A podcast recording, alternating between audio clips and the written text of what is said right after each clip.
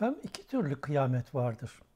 Birincisi insanın kıyameti, ikincisi bütün güneş sisteminin kıyameti. İnsanın kıyametini anlatan Kur'an'daki sure Zelzele suresidir. Esas itibariyle o sure insanın kıyametinin kopuşu safahatını anlatır.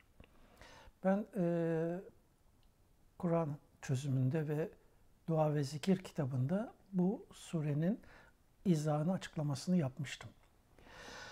Ölümü tattıktan sonra zaman kavramı değişir. Efendim güneşin büyümeye başlaması, gelip dünyayı yutması aşağı yukarı 4 milyar sene hesaplanıyor. E peki 4 milyar sene nasıl geçecek? Siz uyuduğunuz zaman zamanın nasıl geçtiğini anlamazsınız.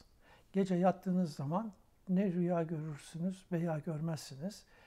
Hiç fark etmez. Ne kadar zaman geçtiğini anlamazsınız. Hele saat olmasa, aydınlanma olmasa kaç saat uyuduğunuzu da bilmezsiniz. Kabir alemi yaşamında da kişiler zaman kavramını yitirirler.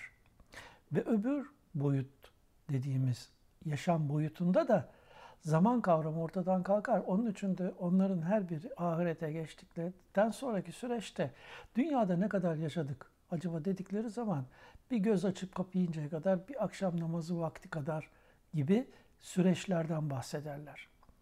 O boyut itibariyle insanın dünyadaki yaşamı aşağı yukarı 7-8 saniye gibi bir süreç alır ahiret yaşamına göre.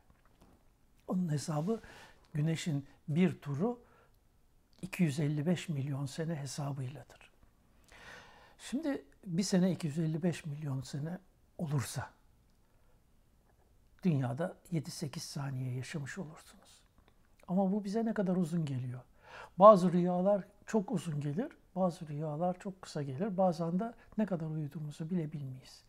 Dolayısıyla şu andaki anlayışa göre ölüm ötesi yaşama dair hükümler vermek çok yanlış olur.